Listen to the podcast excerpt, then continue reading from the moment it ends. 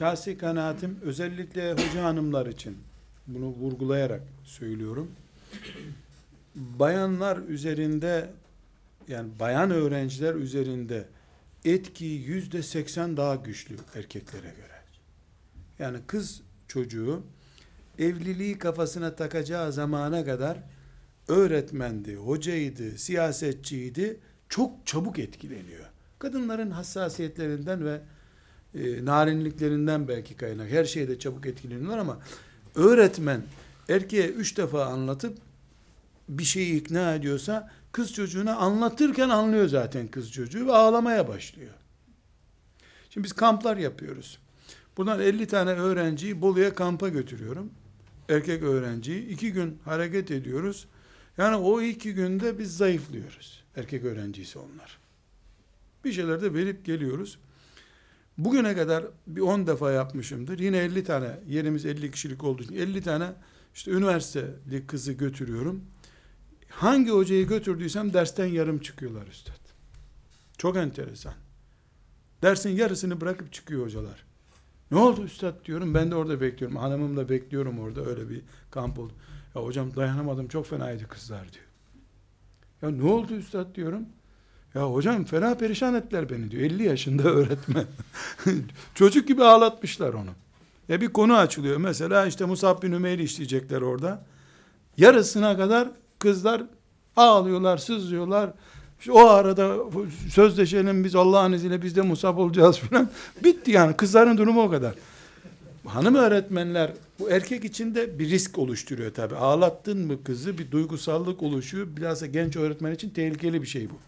Ama hanımlar, hanım öğrenciler cep telefonuyla oynuyor o arada. Aynayı çıkarmış kaşlarını düzeltiyor olsa bile aldırmamalı ve üzerine gitmeli. Kız çocuklar konusunu ayırıyorum bu işten. Yani bu elde keklik. İkinci olarak üstadım bilhassa İmam Hatip'teki hocalarıma özellikle e, tavsiyemi ben elhamdülillah e, bu sene Ocak ayında 7000. konferansımı verdim bu ülkede kameraların önünde. Hepsi de çalışıp müstakil konulu konuşmalardır. Böyle siyasi bugünkü gibi mesela böyle sohbet konuşması yapmıyorum. Bunları bunu saymıyorum bir çalışma diye. Bu ülkede şunu gördüm arkadaşlar. Bütün insanlar, içkiciler dahil Allah, peygamber ve Kur'an bu üç kelimeyi saygın tutuyorlar. Çok saygın tutuyorlar ama. Sarhoş bile Kur'an'a hakarete dayanamıyor. Ama namaz kıl dedin mi ağır geliyor ona. Yani imanın kökleriyle ilgili büyük bir sorun yok bu ülkede. Çok küllenmişlik var. Ateşin üstüne çok kül dökülmüş. Şöyle bir yaptın epey büyütüyor. Fanla manla uçurursan zaten kül kalmıyor. Mangal hemen tutuşuyor Allah'ın izniyle. Bunu yüreğimden inanarak söylüyorum. İmam hatiplerde Allah'tan korkup, peygamberden utanıp, yasalardan çekinip ne yapacaksa, ümmetin ihtilaflı konularını konuşmamak lazım. Ali mi haklıydı Muaviye Dilin kurusunda konuşmasaydım bunu. Ya ashab-ı kiram de gitsin ya. Niye biriyle öbürünü kızıştırıyorsun? Allah 1400 senedir çözülmemiş bir sorunu bugün mü çözeceksin sen? İmam Hatip'ten talebeler geliyor. İlahiyat birinci sınıftan talebe geliyor.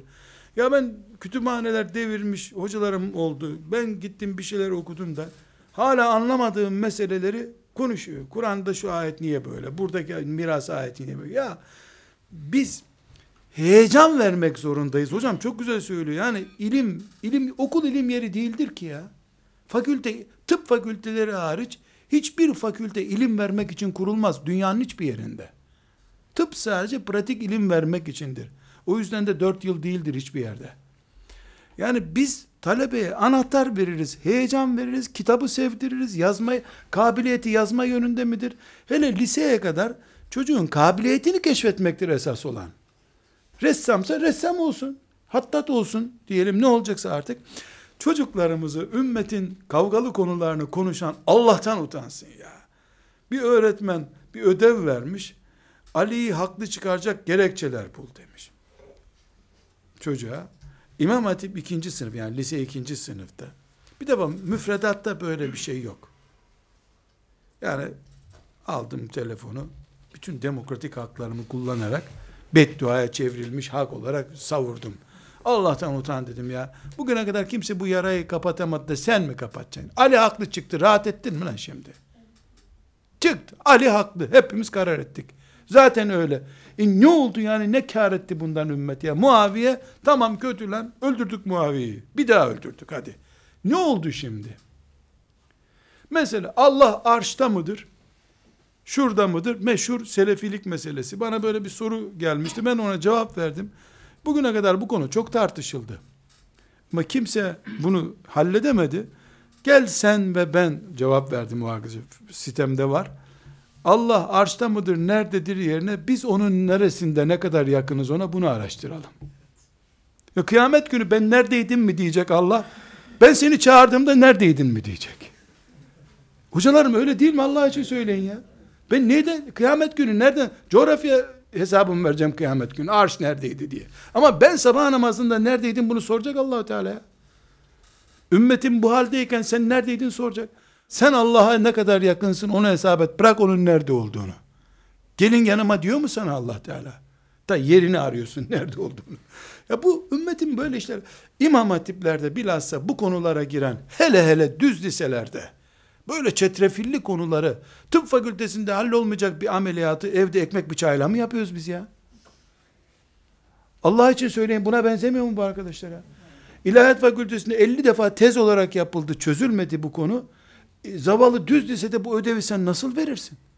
Herkes gitsin camiyi ziyaret etsin. Camideki bölümlerin telefona fotoğrafını çeksin getirsin de en güzel ödev lisede ya. Camiye bir kere girsin bu çocuk ya. Cünüp cünüp girsin hiçbir zarar yok. Cünüp girsin. Cami görsün.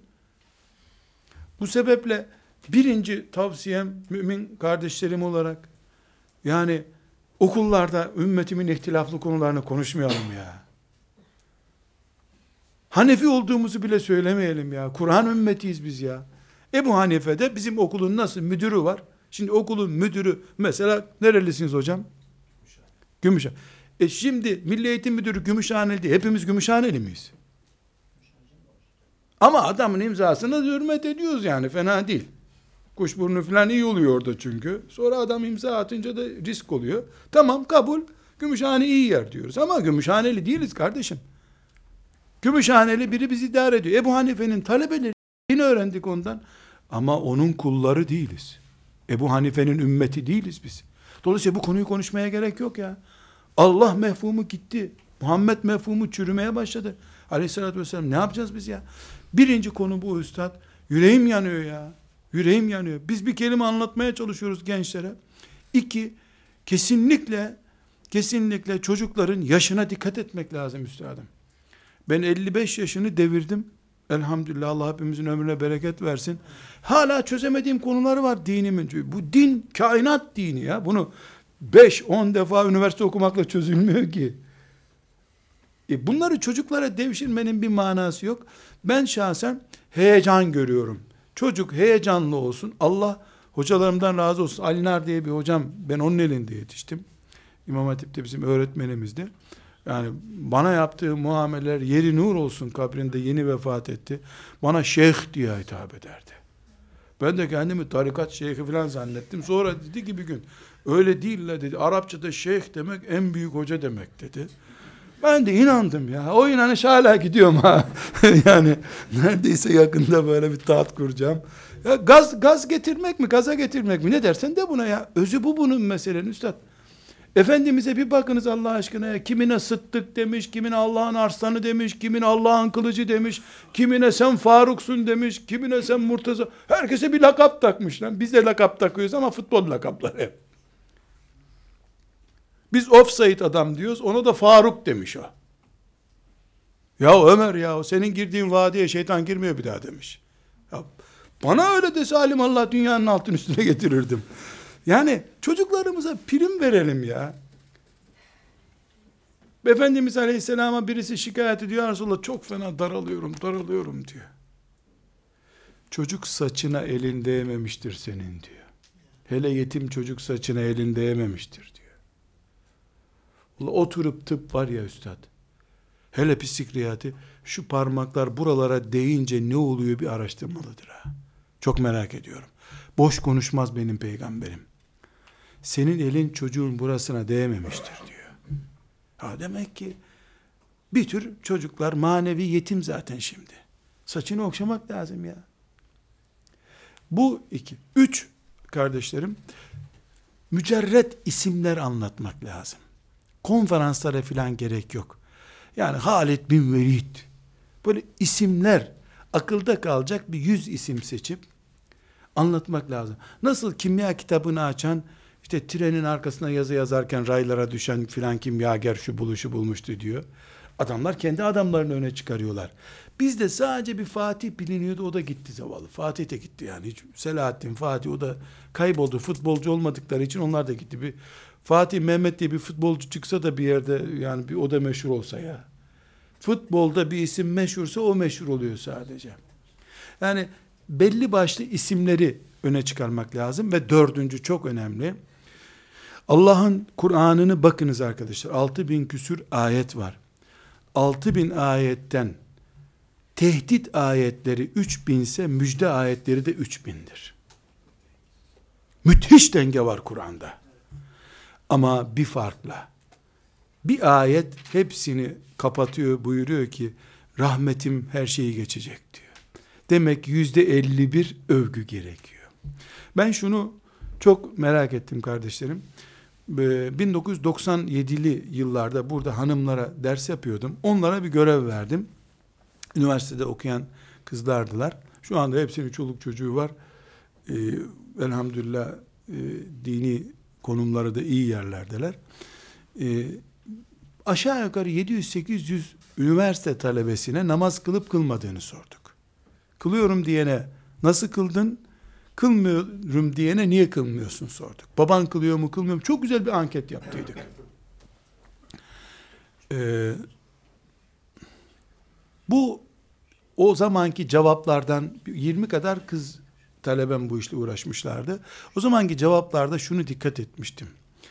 Namaz kılmayanların çok önemli bir bölümü, babası namaz kıldığı halde kendisi kılmayanların anne ve babasının sabah namazına kaldırırkenki taktik hataları yüzünden namaz kılmıyorlar. Mesela hiç unutmuyorum. İlk ve son dayağımı sabah namazı yüzünden yedim ben diyor çocuk. Hem üçe kadar misafirlik dedik hem beşte beni namaza kaldırdılar diyor. Unutamıyorum bu cümleleri. Anketlerde gelen cevaplar. Mesela namaza nasıl başladın sorusunda çok büyük bir bölümü arkadaşlarla piknikte diye cevap vermişti. Pikniğe gittik. Herkes mesela bir cevabı hiç unutmuyorum tıp fakültesinde Cerrahpaşa'da okuyan bir gencin cevabıydı bu. Belki şimdi bayağı bir doktordur, az doçent filandır bir yerde. Piknikte herkes yaşıtım namaz kılıyordu. Utandım, abdestim olmadığı halde ben de namaz kıldım. Akşam eve gelince de vicdanım sızladı. O zaman aldığım abdesti hala bozmadım diyordu. Demek ki duygusal yönümüz çok ileri bizim ya. Hele bugünkü laikliğin bizim cendereye sıkıştırdığı bir zamanımızda bizim tehdit kozunu Kur'an'ın ve dinin kullanmamak lazım. Bilhassa kız talebeler için ben e, en son e, Malatya'da e, bir konuşma yaptım. Orada salonun çok önemli bir bölümü, işte 7-8 bin kişi var salonda, çok önemli bir bölümü, e, internette var bu konuşmam, bayandı. Bu bayanların çoğu da genç bayanlar, belli oluyor. Hiç susmuyorlar çünkü alkışlıyor, bir şeyler bağırıyorlar, seslerinden belli oluyor.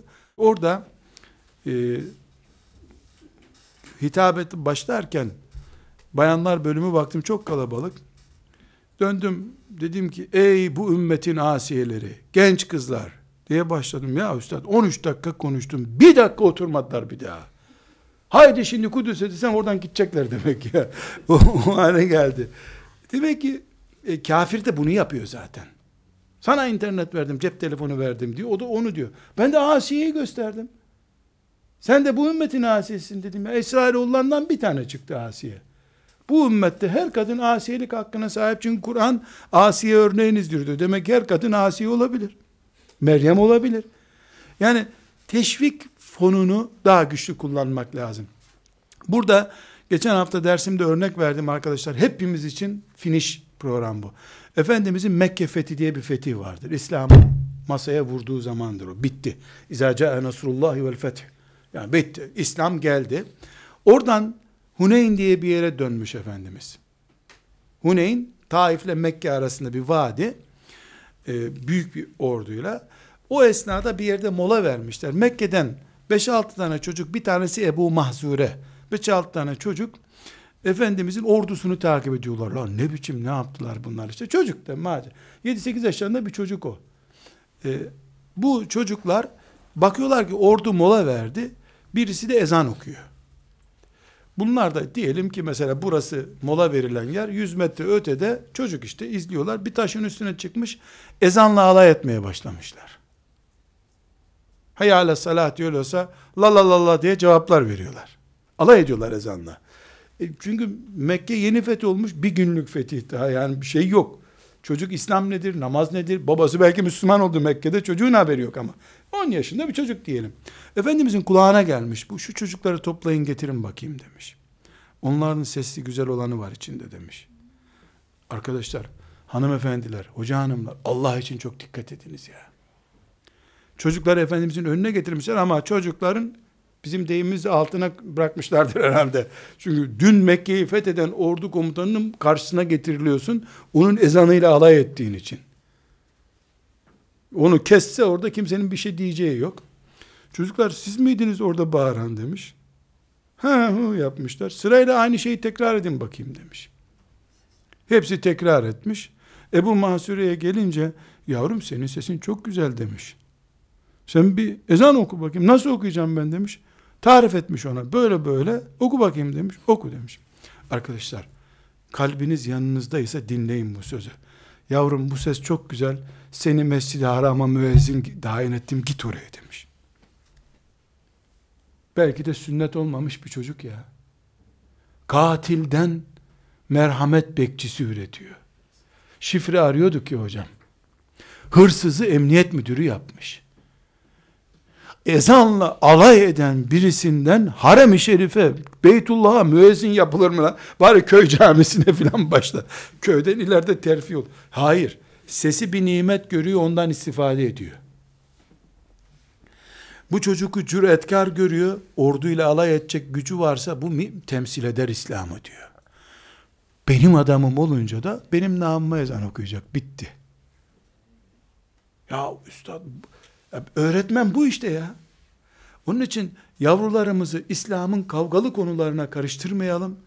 Yani çocuklarımız öbür Müslümana kinle nefretle büyümesin ya. Başlarım mezhebinden ne mezhebi? Ne mezhebi ya? Allah, peygamber, Muhammed, Kur'an, namazı da Ebu Hanife öğretti zaten bitti ya. Yok kardeşim 50 senedir şeriat ilmi okuyorum. Akide konusunda bilmediğim şeyler İmam Hatip talebeleri bana anlatıyor. Bundan sonra da bilmesem de bir suç olacağını düşünmüyorum ya. Ben meleklerin ismini bilsen ne olur, bilmesen ne olur? Diyelim ki filan meleğin adı, e, bilince ismiyle mi çağıracaksın onu? Ahmet abi gel mi diyeceksin meleğe? Ne yapacaksın ismini meleğin ya? Nekir münkerin asas adı nedir diye öğretmen sormuş öğrenci. Bunlar hep bilerek söylüyorum. Nekir münker görürsün orada adı ne diye. Bağırınca feryat edince gör. Adını bilsen ne olur? İnsanlar kabir azabını inkar ediyor burada. Sen hala neyle meşgul oluyorsun? Çocuklarımıza umut verelim o 10 yaşında peygamberin ezanıyla alay edip sonra Kabe'ye müezzin olan çocuğu yetiştirelim ya. Emin olun ben şunu da tecrübe ettim arkadaşlar. O babası yarı hoca olan filan çocuklar oluyor. Onlardan hiçbir hayır gelmiyor da babası sarhoş marhoş annesi açık macık dediklerimiz daha çabuk çocukları ıslah oluyor. Asas o susuzluğu hissediyor çocukcağız. Onun saçını okşadın mı çabuk elektrik kapıyor. Ben bu şekilde düşünüyorum arkadaşlar. Size de dua ediyorum. Allah yardımcımız olsun. Özellikle hanım hocalarımız yani kız öğrencileri salmamalıdırlar. Erkek hocalara salmamalıdırlar. Kız öğrenciler böyle kıvılcım bekliyor tutuşmak için.